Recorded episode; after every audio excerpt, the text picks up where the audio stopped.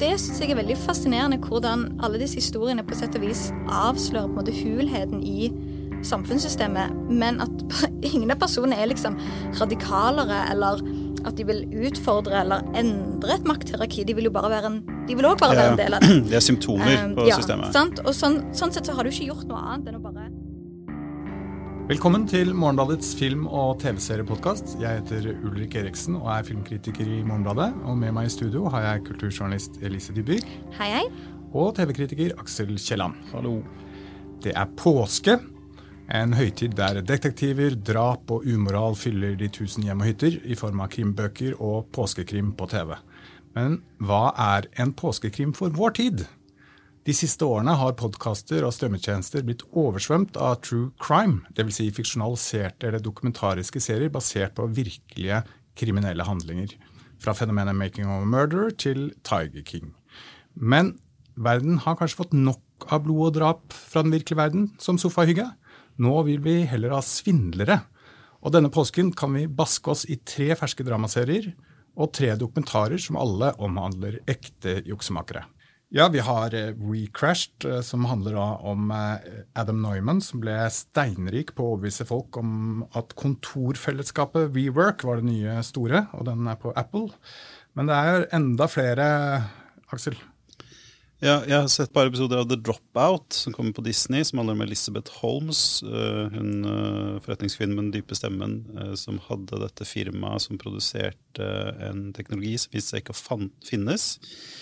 Eh, og så har jeg også sett Bad Vegan, eh, en Netflix-serie som starter som en slags sånn restaurant, eh, og så glir den over i en sånn merkelig eh, svindelhistorie med noen overnaturlige elementer. Eller kanskje ikke. En litt sånn tvetydig slutt. yes, også på Netflix ligger det en serie som heter Inventing Anna, som handler om en Eh, kvinne som eh, klarer å lure seg inn i eh, New York sosietetsliv ved å late som hun kommer fra tysk adel. Dette er en serie på Netflix, og på Netflix kan en jo òg finne Tinder-svindleren, som både har et norsk offer, og som vel bygger på journalistikk gjort i et norsk mediehus, altså VG. Ja, og jeg tror jeg også vil nevne WeWork-skandalen, som er på NRK. Eh, som i løpet av halvannen time klarer å kanskje fortelle vel så mye som eh, WeCrashed gjør i løpet av åtte. Eh, det var i hvert fall litt av mitt inntrykk. Men hva har alle disse svindlerne til felles? Eller Min take her er at de har alle, eller aller fleste av de har en eller annen tilknytning til liksom, Silicon Valley-kultur eller hustler-kultur, girlbus-kultur. Hva du enn skal kalle det, eller du kan kanskje oppsummere det der mantraet 'fake it till you make it'. Eh, en idé om at hvis du klarer å smelte sammen med jeg vet ikke om det er arbeidet ditt, eller gjøre din egen person til, til arbeidet ditt, eh, og satse på en helt spektakulær idé eller visjon eller ambisjon, kanskje, så vil ingenting stoppe deg fra å inspirere millioner og tjene millioner i en og samme fei. Ja, og så, har det jo, om det ikke springer ut av, så har det veldig tilknytning til et næringsliv der hvor um, ja, det er fake it to make it. Altså, det er ganske, det er ganske uh, hårfine skiller mellom hva som er faktisk svindel, og hva som er gjengs praksis uh, for å interessere noe i produktet ditt, og skape en idé om verdi som noen er interessert i å, å investere i. Uh, og det gjelder jo da både som jeg sier, på, på selskapsnivå og på individuelt nivå. Ja, og Jeg la også merke til at uh, nesten alle har handling fra New York. Uh, og det tror jeg heller ikke er helt tilfeldig. Det er en by som på en måte muliggjør mye av dette her. For det er, ikke, det er mange som ikke kjenner hverandre. det er på en måte mange, Man kommer fra alle verdenshjørner. Uh, og i kombinasjon med sosiale medier da, så er det en litt sånn eksplosiv blanding. Altså at man har den selvpresentasjonstankegangen som kommer fra sosiale medier som i kombinasjon med en by hvor ingen kjenner hverandre, og hvor alt er mulig. Og, ja, og en by hvor de forskjellige sosiale klassene lever ekstremt tett. Ja. Og det er en sånn veldig sterk romantikk på det man liksom jobber seg opp og bokstavelig talt stige i graden liksom oppover skyskraperne. Ja, if you can make it here, osv. Uh, som, som ligger under der, da. Og så er det, tenker jeg noe med at dette er jo fortellinger, klassiske fortellinger på en måte om eh, veien til toppen og et eh, stort og fælt fall.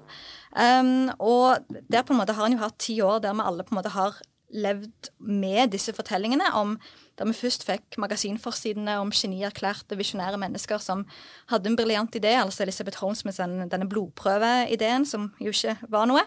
Uh, og de leverte, en fin idé, da. Ja, kjempe. Det var liksom, og igjen, det, det, de alle klarer å tappe inn i noe som høres litt for godt ut til å være sant, og så viser det seg at det er for godt til å være sant.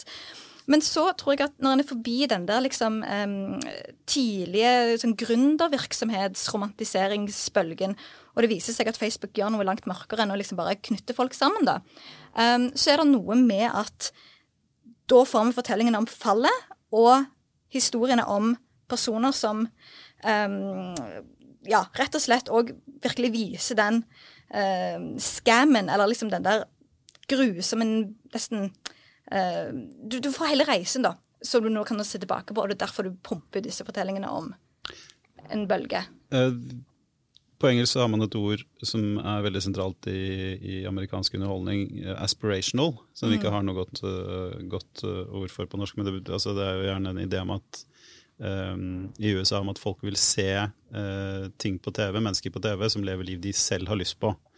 Og, og i disse, disse svindelnarrativene uh, så, så, forener man jo da dette aspirational-preget med skadefryden som viser seg liksom så, så, Som kommer når det viser seg at de ikke er det de sier de er. Og det er, sånn, det er en tydelig sånn moralistisk eh, grunntone i disse tingene, som liksom ha-ha, de slapp ikke unna med det. Så, men, men, det er også da, da, gjerne i starten, denne liksom, følelsen av at um, man si, normalitetens tyngdekraft oppheves, og noen kan bare liksom snakke seg inn i et bedre liv. Og så kommer da dette liksom hybris-øyeblikket hvor alt rakner. Og vi som sitter der og ikke holder på sånn, viser at hadde rett, og vi har liksom vi har vår side har vunnet. Ja, for den lager noen forbindelser mellom på en måte, eller den tematiserer disse, Alle disse historiene tematiserer jo et element ved vår tids eh, kapitalisme. er på en måte Vår tids måte å, å drive business på, som er veldig sånn oppstartsorientert. ikke sant? Og hvor veldig mye av greia er jo nettopp å prøve å overbevise noen om å investere i noe som ikke eksisterer allerede, mm. uh, og som kommer til å komme, og som kommer til å bli det neste store. Og i den praksisen der, så er det jo liksom Det er jo en form for hustling, eller en form for svindelvirksomhet, uh, men som kan bli noe. Og som er akseptert er, innenfor er, visse rammer. Og som er akseptert. Og jeg tenker på f.eks. WeWork, da, som uh, jo på en måte i denne serien, eller i både den dokumentaren og denne serien, blir jo fremstilt som på en måte et, et svindelforetak på et eller annet vis men den eksisterer på børsen i USA i dag.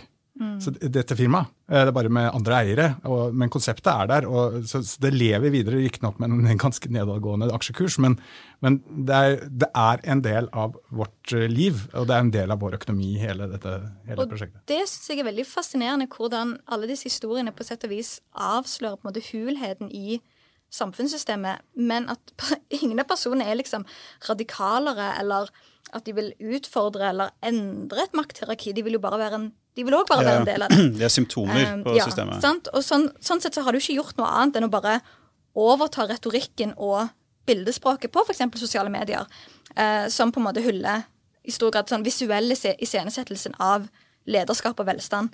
Men om det er noe substans bak de hashtagene, det, det betyr ikke så mye. Men hvorfor kommer denne vendingen innen true crime nå? Eh, er det så enkelt som at vi på en måte er lei av mord og drap, som jeg var inne på i innledningen, eller ligger det noe, er det noe mer her? Jeg tror at det har noe å gjøre med at man har tatt alle de store morderne. Altså Man har, altså man har, man har lagd serier om alle de mest kjente og, og mest fascinerende seriemorderne og drapssakene og sånn. Altså, eh, og så tror jeg da, parallelt med det, at At uh, true crime-sjangeren har et behov for samvitt, altså, å lette uh, altså det, det, blir vanskelig dette med disse drapssakene å liksom blåse dette opp og, og, og, og løfte fram morderne og, liksom feste all oppmerksomhet ved mennesker som har begått helt forferdelige handlinger.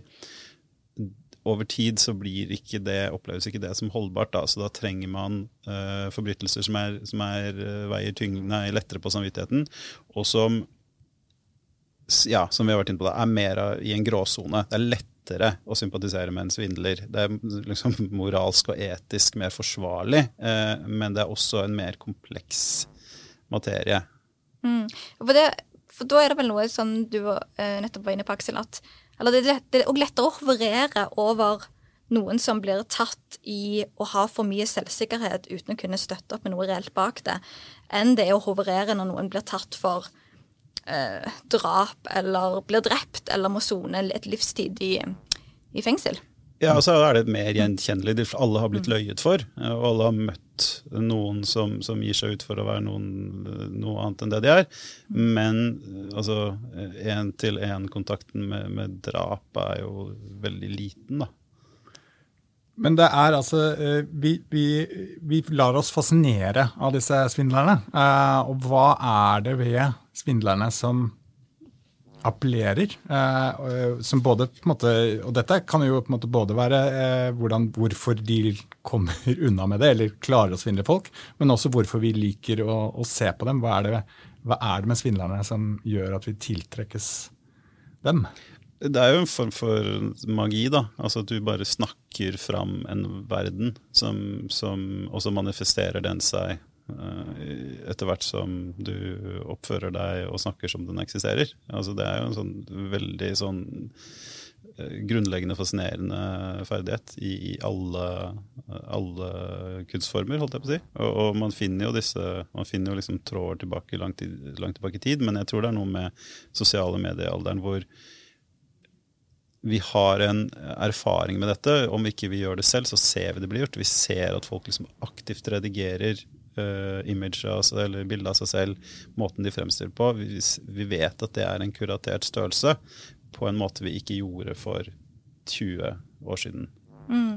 Og, men for det tenker jeg mye på. Hvem, hvem igjen moralen i disse historiene. fordi at selv om det er en, bygd inn en veldig sånn sterk fascinasjon for denne veldig ofte litt sånn rare sosialt rare personene som på en måte har en litt rar forsyre og en litt rar dialekt, som på en måte klarer å skamme seg inn til liksom de eh, virkelig maktkorridorene eller pengekorridorene, så er det jo òg en sånn forståelse om at det de gjør, er riv ruskende galt. Sånn at det er ikke noe å trakte etter. Nei, men det er også i noen av de så er det jo øh, Så er det Kan man se hvordan det kunne ha lykkes. Og det kunne ha gått bra så er det en sånn implisitt greie om at der ute så finnes det en haug av disse historiene. Dette er bare de vi kjenner til. Ja, og, og jeg syns jo ikke altså du kan, kanskje, du kan, kanskje, si at i Bad Vegan der har vi å gjøre med en, en ond mann, da. Uh, men i disse andre så er det mer sånn uh, ja, det er flere gråsoner, da. Og det er liksom, dette er ikke de, de skumle, sånn rendyrka sosiopatene. Dette er folk som, som i hvert fall seerne legger til en viss grad opp til at vi skal forstå hvorfor de gjør som de gjør. Ja, Og at de tror på det selv, er jo også en sånn forutsetning som legges litt til grunn her. At de på en måte, ja, de trodde på at dette var faktisk, de trodde på dette selv. De trodde på at dette var mulig å gjennomføre. Og det hadde muligens gått. Det er også en sånn mm. som ligger i både Recrashed og Inventing Anna. at det, det var like før det faktisk gikk. Mm. Uh, eller, eller, er det liksom litt både òg? For jeg kan òg av Inventing Anna få en følelse av at det er jo bare et spørsmål om tid for dette går galt. Eller er det nettopp fordi at en vet at det gikk galt. Så òg ligger der til grunn, fordi at når du sier sånn ja, men, Ja, for det, liksom, det bør vi si, den starter jo med at vi vet at det har gått galt. Ja, altså, sant? Ja. Så det kan jo òg være med å absolutt spille inn, og at du tenker at liksom, i, i, en alternativ virkelighet så kan det være at hvis du hadde vært litt heldigere, så hadde ting gått, gått hennes vei, da. Men, men det er òg en slags sånn følelse av at eh, en slags Ikke prøv på dette hjemme. Sant? At liksom før eller siden blir du, blir du tatt, da. Ja, og det vil jo være Ethvert samfunn som ønsker stabilitet, vil jo ha en interesse av å, å ha det der ute som en, tommelfingerregel. Eh, men jeg, tilbake til det du sa nå, at eh, en grunn til at disse fortellingene eh, handler Altså at, vi, at, det starter med at vi vet det går galt, det kommer jo av at det har oppstått et sånt kretsløp hvor nå avis- og, og, og, magasinartikler blir sånn franchise-hjørnestener. Eh, og, og det, liksom, man starter kanskje med en artikkel, så blir artikkelen en podkast, og så blir det kanskje en, en uh, dokumentar eller, eller dramaserie. Uh, og da er jo historien som regel kjent på forhånd. Sånn mm. at det, det, skal veldig mye til å prøve å skjule eh, gangen i det. og derfor tror jeg man, man, ofte liksom bare regner med at folk vet, og så bygger man derfra. Og da, da vil jo dette liksom, da vil det virke uunngåelig eh, at det gikk alt. Og der er det vel òg en, en sånn helt sånn dramaturgisk enkel spenning, at du vet at før eller siden så så gjør de ett feiltrinn, eller det er noen som stiller et ekstra spørsmål, eller noen som ber om å få granske noen papirer, og så, så, er det gjort. Men du vet ikke helt når det kommer, med mindre du har fulgt saken veldig veldig godt. da. Og det jeg tenker at det er jo i stor grad strømmetjenestene som har virkelig tatt til seg um, og begynt å pumpe ut disse historiene, handler jo òg om at nå vet jeg ikke Jeg lurer på om jeg hørte et intervju med skaperen av The Dropout som nevnte at mens de lagde serien, så var det en av aktørene som måtte møte i retten. Um, mens serien ble lagd. sånn at der var det litt sånn Oi, hvordan vil dette spille ut for, for vår serie? Men det er noe med at igjen, ja, historien er ferdig fortalt. De er blitt fortalt i mange ulike ledd. Sånn at Netflix kan skupe inn og ikke være redd for noen juridiske, etiske eller Oi, kanskje faktisk var jo tysk adel, og alt var i sin skjønneste orden. Um, sånn at det er liksom Den harde jobben med å, å få historien ut da, er, er allerede blitt gjort. Jeg tenker også at det at vi vet hvordan det går, det gjør jo også at det endrer noe på hvordan det må bli fortalt, som vi var inne på, at det gjerne begynner med slutten. Men det gjør også at man vektlegger, man vektlegger i motsetning til innenfor den klassiske true crimen, hvor måte, det er en slags nærmest en sånn mysteriestruktur. altså At man har en sånn who done it-tankegang. Eh, så må man her i mye større grad eh, prøve andre formater, og da er andre sjangere. At det ligner mer på melodramaer og, og romantiske og litt sånn komiske ting. ikke sant? Altså, Men også såpe og reality, da. Ja, ikke sant? såpe og reality. Så, så, så, det er på en måte det er litt mer sånn dyneløftingpreg eh, og, og, litt mer sånn spekulasjon når det kommer til liksom, kjærlighet og, og hva som foregikk bak de fire vegger. Altså at man får et det ligner mer på et melodrama eller eh, realityshow da, enn, en det ligner på en, eh, en mer sånn For materialet er ikke så gravalvorlig for oss andre, bortsett fra selvfølgelig de det gjelder, og de som da dessverre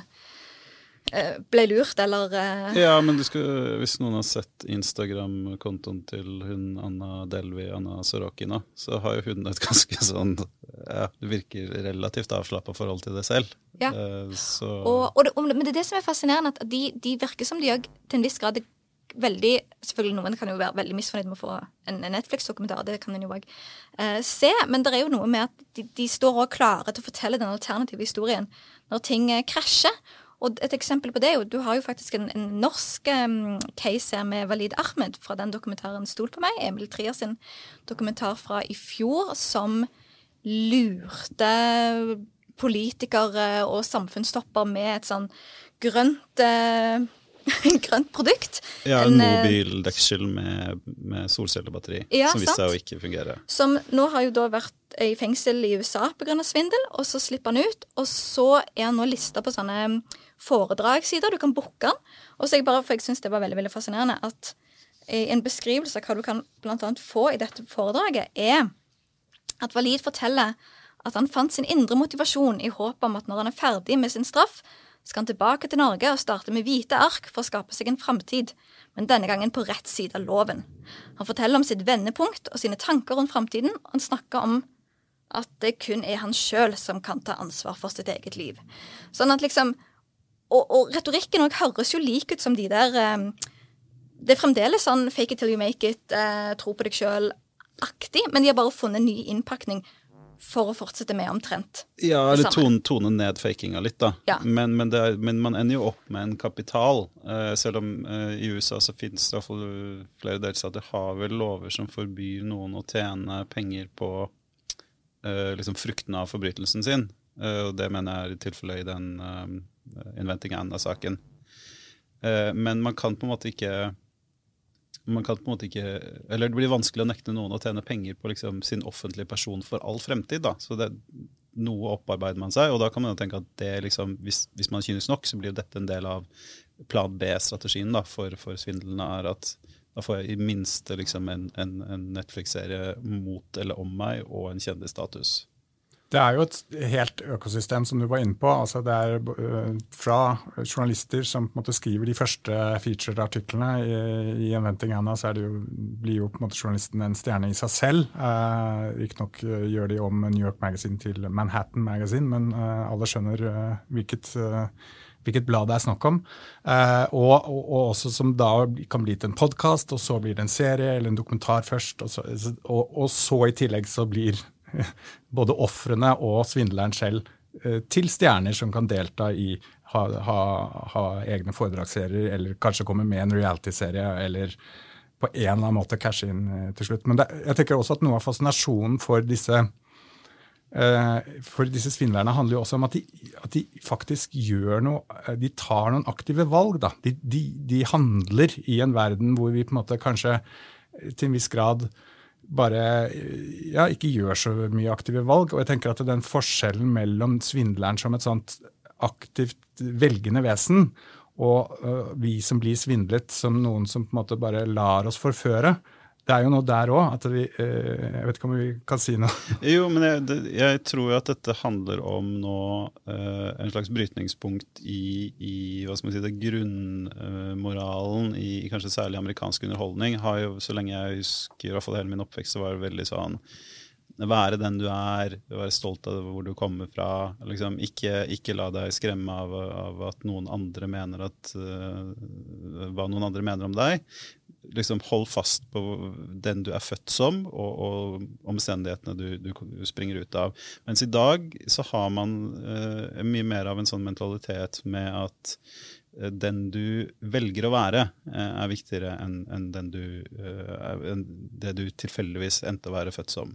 Det kan du se på, på liksom mange fronter. Liksom, ja, kanskje særlig holdningen i samfunnet til plastisk kirurgi, f.eks., har endra seg drastisk.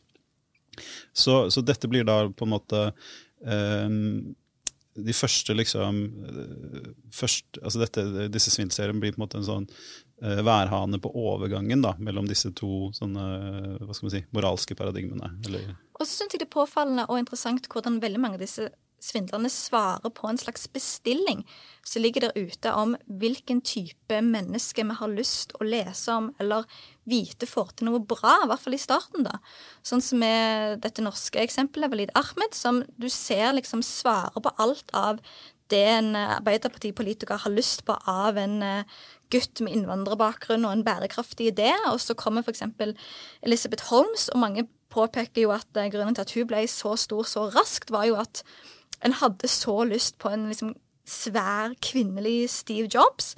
Og der kom hun i den svarte polonekk-genseren sin og hadde et image og eh, var, var, en personlighet, da. Og så glir hun rett inn der. Sånn at det er jo òg bare noe ekstremt fascinerende med hvordan de òg De bare klarer å dekode hva som trengs, å levere. Og da er det jo òg noe Blir en jo litt sånn å, uggen med at de da um, det er òg den der skadefryden når de da på en måte vakler og faller sammen. For det viser liksom òg at ja, du trodde kanskje at du kunne hamle opp med de som virkelig på en måte bestemmer, men det Det, det fins en kontrollmekanisme. Ja. ja. Men, men, bare til punktet at, at, dette er Jeg tror dette er grunnen til at uh, mange av disse største seriene er, handler om Altså fordi All form for svindel og bedrag har på en eller annen måte noe å gjøre med å være den folk vil du skal være. Men det er noe veldig mye sånn tristere og eklere når det er på tomannshånd, enn når det er på samfunnsnivå. Uh, som det er i, i, disse seriene vi har snakket om nå. Og jeg tenker I, i forlengelsen av dette her er det også at Eh, disse svindelseriene tematiserer jo også en problemstilling som, står, som er grunnleggende for vår tid. Det er hvordan skal vi forholde oss til uh, klimaendringene, som jeg gjerne kommer tilbake til. Mm. Fordi uh, det som er vår løsning på klimaendringene i dag, er, er kanskje svindel. Altså teknooptimisme kan i, verste fall vise seg å være en svindel. At vi tror på at vi ved å på en måte laste ned eller samle sammen de batterier, CO2 skal under jorden. Tenk hvis det bare er eh, løgn og bedrag. Så, så, det er jo noe med det at vi, de aktive valgene vi tar, de kan være feil, og de kan være basert på løgn og bedrag. Men samtidig så kan vi jo heller ikke være den som på en måte lar seg bare føre med og, og, tenke at ting bare blir som de blir. Vi har ikke noe valg. Eh, så det er, det er, en sånn dikotomi der som jeg tenker er litt sånn spennende, da, som egentlig tematiserer vår tid. Ja, også, også svindel, ikke svindel, handler om hvorvidt veien faktisk blir til mens du går, eller om den ikke var der i det hele tatt. Jeg tror det var det vi fikk tid til å si om svindel eh, i dag. Eh, har vi noen anbefalinger til slutt? Ja, da kan vi kanskje begynne med det. Um, nå ligger det ute en ny sesong av Nei, eller det har begynt en ny sesong av podkasten You Must Remember This. Som beskriver seg sjøl som en podkast om de hemmelige eller glemte historiene fra Hollywoods første århundre. Og Den nye sesongen den har tittelen Erotic 80s og kommer akkurat i det øyeblikket det virker som mange mener at den erotiske thrilleren er plutselig i vinden igjen, så det er jo godt tima. Og første episode som da ligger ute, vil jeg si et utrolig fascinerende stykke kulturhistorie. Eneste minus er en sånn skikkelig lang reklamebolk midt i episoden om hvorfor du skal benytte deg av en psykologi, psykologtjeneste.